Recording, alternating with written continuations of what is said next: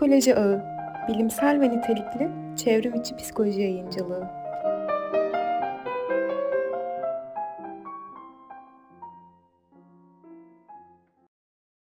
Merhaba, Gündem 101 programına hoş geldiniz. Gündem 101 programı Psikoloji Ağı tarafından gerçekleştirilen, gündemdeki konuları düzenli aralıklarla sizlere ulaştırmaya çalışan bir programdır. Bugün Onur Haftası nedeniyle LGBTQ konusunu ele alacağız. Bugünkü başlıklarımız eşcinsel görünürlüğü ve etkisi ve terapide LGBTQ başlıklarını ele alacağız. Bu konular hakkındaki sorularımızı Türk Psikologlar Derneği'nde LGBT biriminde yer alan klinik psikolog Gizem Gülmez ve psikolog Alara Şevval Keskin'le konuşacağız. Ee, sizden ilk olarak kendinizi tanıtmanızı isteyeceğim. Tabii ben başlayayım. Ee, ben bilgi mezunuyum. Üzerine Okan Üniversitesi'nde klinik psikoloji yüksek lisansı yaptım. Yani bayağıdır bu alanda çalışıyorum aslında. Ee, LGBT biriminde bir seneyi aşkın süredir sorumlu olarak yer, arıyorum, yer alıyorum. Genellikle ayda bir e, etkinlik çıkmaya çalışıyoruz. Bu şekilde oluyor. Bunun dışında toplantılarımız oluyor. Ayrıca özel olarak danışan görüyorum. Herhangi bir kliniğe bağlı olmaksızın. Bu şekilde. Alara ekleyeceğim bir şey var mı? Ee, Ben Ala Şevval Keskin. Ee, Kadir Üniversitesi Psikoloji Bölümü mezunuyum. 2019 senesinde mezun oldum. Ee, Şu an için ben de Gizem'le birlikte derneğin birim sorumlusu olarak görev alıyorum.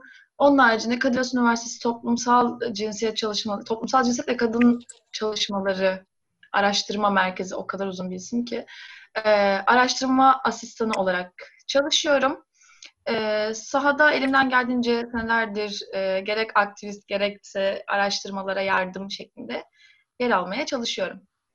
Biraz Psikologlar Derneği'nden bahsetmenizi isteyeceğim. Özellikle meslek yasası ve e, genel durum hakkında. E, ben ilk olarak kadın biriminde gönüllü olarak çalışmaya başladım. Öyle eğitimlere gittim. Sonra LGBT birim aktif olmaya başladıktan sonra onun da toplantılarına katılmaya başladım.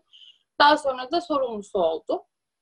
E, özellikle bu iki birimle ilgileniyorum. Çünkü aynı zamanda aktivizm de yapıyorum ve işte psikologların homofobileriyle savaşmaları gerektiğini düşünüyorum bu alanda. Herhangi bir güçlendirici şeyde gönüllü olarak yer almaktan çok keyif alıyorum zaten.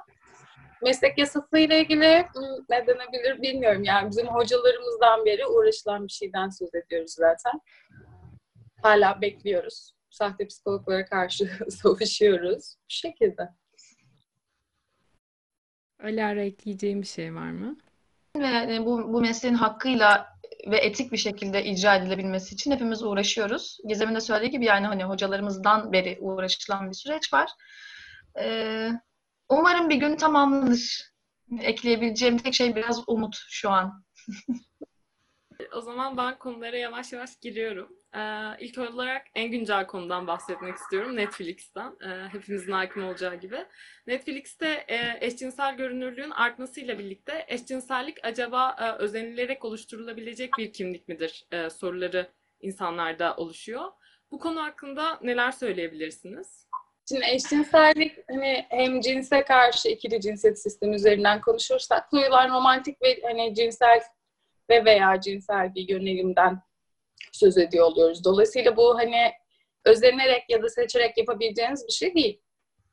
Bu yüzden de zaten yönelim diyoruz. Kaldı ki hani Türkiye'de LGBT olmaya bu kadar ayrımcılık, nefret söyleme, cinayetler varken hani nasıl özenebilirsiniz bundan da çok emin değilim açıkçası. Özenilebilir bir şey mi yani? Ama Netflix'in şöyle bir faydası olduğunu düşünüyorum. Yani burada homofobiklerin daha çok korktuğu şey zaten hali hazırda eşcinsel olan kimselerin hani come out etmelerine, açılmalarına belki bir zemin oluşturabilir. Kendi eşcinsellikleriyle yüzleşmelerini oradaki hikayeler üzerinden sağlayabilir. Yani bu da olsa olsa zaten ancak iyi bir şey olabilir. Yani çevresinde eşcinsel kimseler olmayan insanlar belki bunun nasıl bir şey olduğunu, adının ne olduğunu, nasıl ilişki yaşandığını mesela bilmiyor olabilirler. Bu anlamda Netflix iyi bir şey yapıyor diyebiliriz yani ancak. Herhangi bir çünkü azınlığı hani bir çoğunluk olarak bastırmamız söz konusu olmadığından tabii ki görünürlüğe ihtiyaç var. Böyle bir iyi işlevi var yani bence Netflix'in. Yani bana kalırsa da e, Gizem'in de belirttiği gibi zaten çok yani kimin kim olduğu e, özenilerek ortaya çıkarılabilen bir malzeme değil zaten en temelinde.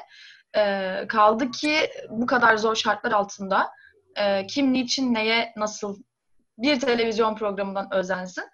E, hal böyle olacaktıysa zaten senelerdir e, heteroseksüel görünürlük bütün dizilerde, bütün programlarda varken e, o zaman eşcinsellik diye bir şeyin hiçbir zaman var olmamış olması gerekirdi. E, o yüzden böyle bir özenmek zaten söz konusu dahi değil. Yani tam tersi e, bahsedildiği gibi e, güvenli bir alan oluşturmak için temel atmak, görünürlük sağlamak gibi fonksiyonları olabiliyor daha çok. Ee, diğer bir konuya geçecek olursak aslında LGBTQ artı çok e, kapsayıcı bir tanım içeriyor ve kısaltmalarında da kapsayıcılık söz konusu olabiliyor. İşte LGBT, LGBTİ, LGBTQ. Ee, bunlardan hangilerini kullanmayı tercih ediyorsunuz? Biz birim olarak e, LGBTQ artıyı seçtik. Çünkü hani psikologlar olarak bunların tüm kimlikleri tanıdığımızı belirtme ihtiyacı duyduk. Aslında ne kadar harf ekliyorsunuz o kadar bir kimliği açık ediyorsunuz demek. Hani sonuna artı koymak önemli. Hepsi okey ve kullanılabilir zaten. Biz özellikle görünürlüğü arttırmak adına Q'u da ekleyip sonuna artıyla kullanıyoruz. Birimimizin ismi bu şekilde. Şimdi terapi konusuna gelecek olursak biraz giriş yapalım. Ee, LGBTQ bireyler günlük hayatında kendine e, kimliğini, bu kimliklerini gizleme eğiliminde olabiliyorlar. e, çevrenin getirdiği şartlar nedeniyle. Peki bu terapide ne durumda? Terapide de bir gizleme söz konusu mu? Terapide de elbette bu olabilir. Yani orada bir yeterince güvenli bir alan oluşturamadıysanız, bir şekilde kendi homofobinizle, transfobinizle yüzleşmediniz ve bunu da taşırdıysanız danışana karşı, bunu gizleme eğiliminde elbette olabilir. Yani bu burada terapiste aslında görev düşüyor.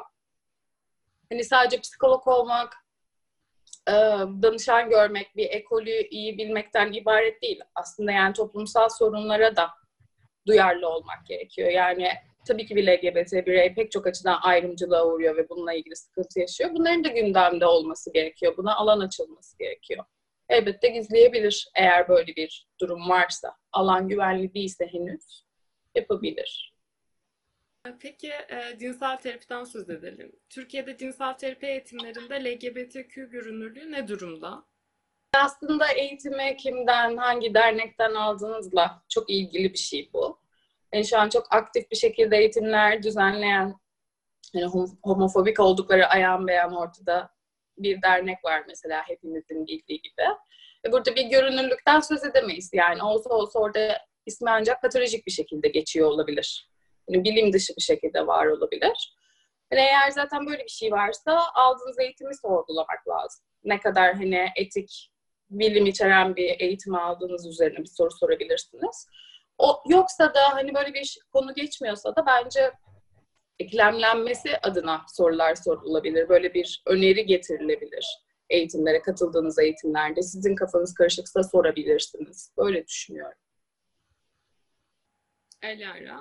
Ee, gerçekten görünürlük var, görünürlük var ve bazen kötü temsilleri de biz görünürlük olarak adlandırıp bu alanın çalışıldığını zannediyoruz. Ee, ama yine Gizem'in de bahsettiği gibi bu etik olmayan ya da bilim dışı şekillerde bahsi geçtiğinde e, görünürlüğe yardımcı olmuş olmuyor aslında bir şeyler. O yüzden e, zaten cinsellikle ilgili birçok konu hala tabuyken e, cinsel terapi ya da cinsellik içeren herhangi bir konuda LGBTQ artının da temsili çok e, görünürlüğe yardımcı olan şekillerde gerçekleşmiyor henüz ne yazık ki. Doğru söylüyorsunuz. Ee, onarım terapisi konusuna gelmek istiyorum. Ee, onarım terapisi nedir? Ee, onarım terapisi kanayan yaramızdır diyebiliriz bence. Yani ben buna terapi dahi demek istemiyorum. Yani ortada onarılacak bir şey yokken bunu onarmaya çalışıp bir de onarım terapisi diye e, adlandırıyor olmak yani bence insanlık suçu. Çünkü birçok insan zaten psikoloğa, terapiste vesaire kendisiyle ilgili bir takım çelişkiler, sorunlar, bunalımlar içinde geliyor ve e, yine bu şartlar altında zaten e, kimliği içselleştirip kabullenmek çok kolay gerçekleşmeyebiliyor her zaman.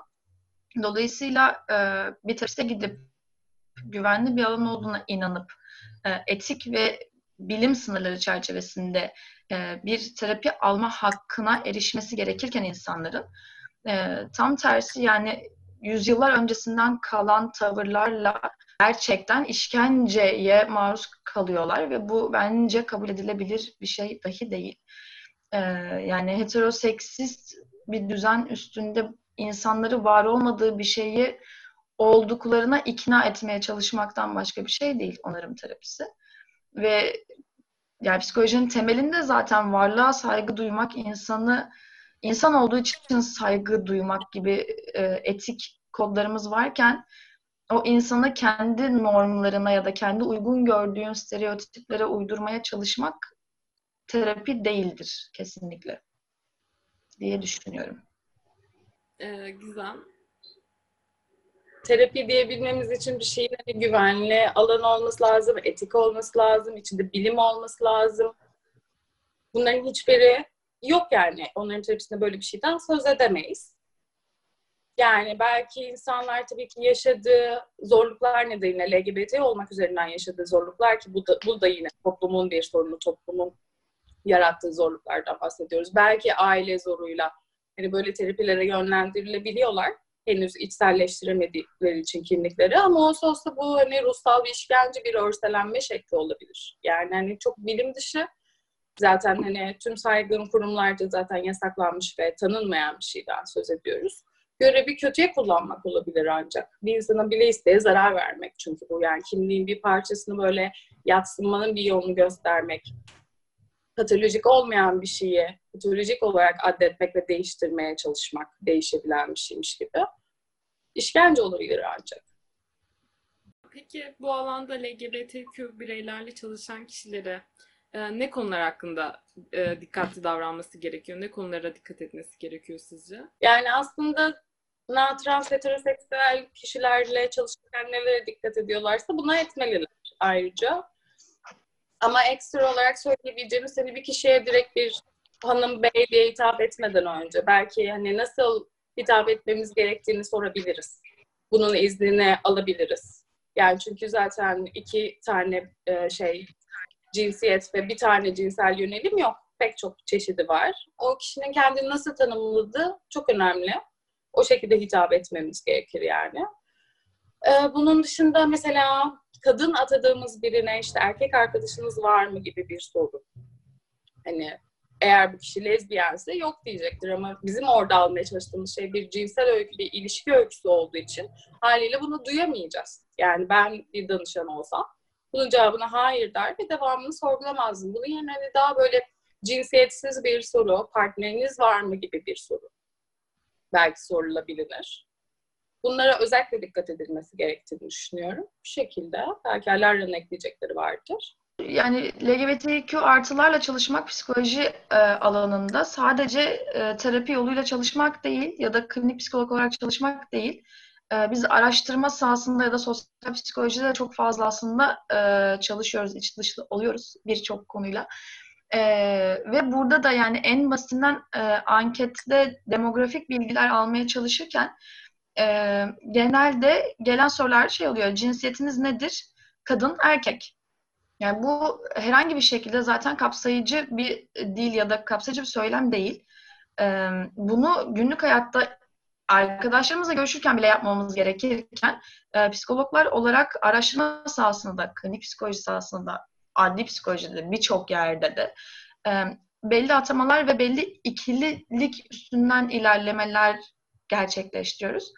E, ya da belli stereotipler atıyoruz. Yani araştırmada ihtiyacımız olan popülasyon atıyorum LGBT'ye çalışacaksak daha böyle e, feminen erkekler, bunları tırnak içinde kullanıyorum ya da maskülen kadınlar arıyoruz ki e, LGBTQ oldukları gibi bir atama yapılabilsin. E, bunların yine sürdürülmemesi gerektiğini düşünüyorum araştırma sahasında da. Yani tabii ki spesifik bir şey bakılıyor olabilir. Bunları e, ayırarak, parantez dışında bırakarak söylüyorum ama e, genel olarak e, çok ikili, yani genel olarak atamalar yapılıyor ve bunların sürdürülmemesi gerekiyor diye düşünüyorum. Son olarak e, ben Daha çok psikologlardan değil de danışanlardan e, yönelik bir soru sormak istiyorum. E, ruh sağlığı alanında biliyorsunuz ki birçok transfobik ve homofobik kişiler mevcut. Bir LGBTQ artı birey terapist ararken nelere dikkat etmesi gerekiyor? Neler önerirsiniz? Yani kişinin bir CV'sini araştırabilirler. Bununla ilgili iş yapıp yapmadığı önemli bir mesele olabilir. Yani benim LGBT danışanlarım mesela özellikle daha LGBT friendly olduğumu düşündüğü için bir şekilde geliyorlar. Bunun dışında da hani e, LGBT derneklerinin genelde bir terapist ağı var. Yönlendirme yapabiliyorlar. Yine orada belli eğitimlerden geçmiş lisanslı kimseler oluyor. Bunu tercih edebilirler. Ama yine de bu tabii ki yani herhangi bir homofobi, transfobiyle karşılaşmayacağınız anlamına gelmiyor. Böyle bir durum olursa da bunu konuşmaya açmak lazım her, her zaman terapiste karşı. Sürmesi durumunda devam etmenin zaten çok bir anlamı yok yani. Orada artık terapi olamayacak demektir. Yine böyle bir şey olursa da derneğe şikayet edebilirler. Hani belki ifşa olabilir bilmiyorum eğer çok fazla hani zorlayıcı bir onarım terapisine giden bir durum varsa bunu da yapabilirler. Böyle bir hakları da var her zaman yani. Kişinin eğitimini, CV'sini sorgulamak hakları. Tamamdır. Benim sorularım bitti. Sizin eklemek istediğiniz bir şey var mı? Benim Güzel. yok. Benim yok. Çok keyifli bir sohbetti bence. Böyle bir günde özellikle değil mi? Keyifliydi. Ben teşekkür ediyorum sadece. Evet, benim de eklemek istediğim bir şey yok. Gerçekten çok e, tatlı bir yayın ve önemli bir konu konuşuldu. Önemli bir günde diye düşünüyorum. Teşekkür ederiz. Ee, Biz teşekkür ederiz. Gündar 101'in e, bu programına katıldığınız için öncelikle. Ee, size renkli kalın, gökkuşağıyla kalın demek istiyorum. Teşekkürler. O zaman katıldığınız için sağ olun, teşekkürler. Hoşçakalın. Hoşçakalın. Psikoloji Ağı, bilimsel ve nitelikli çevrim içi psikoloji yayıncılığı.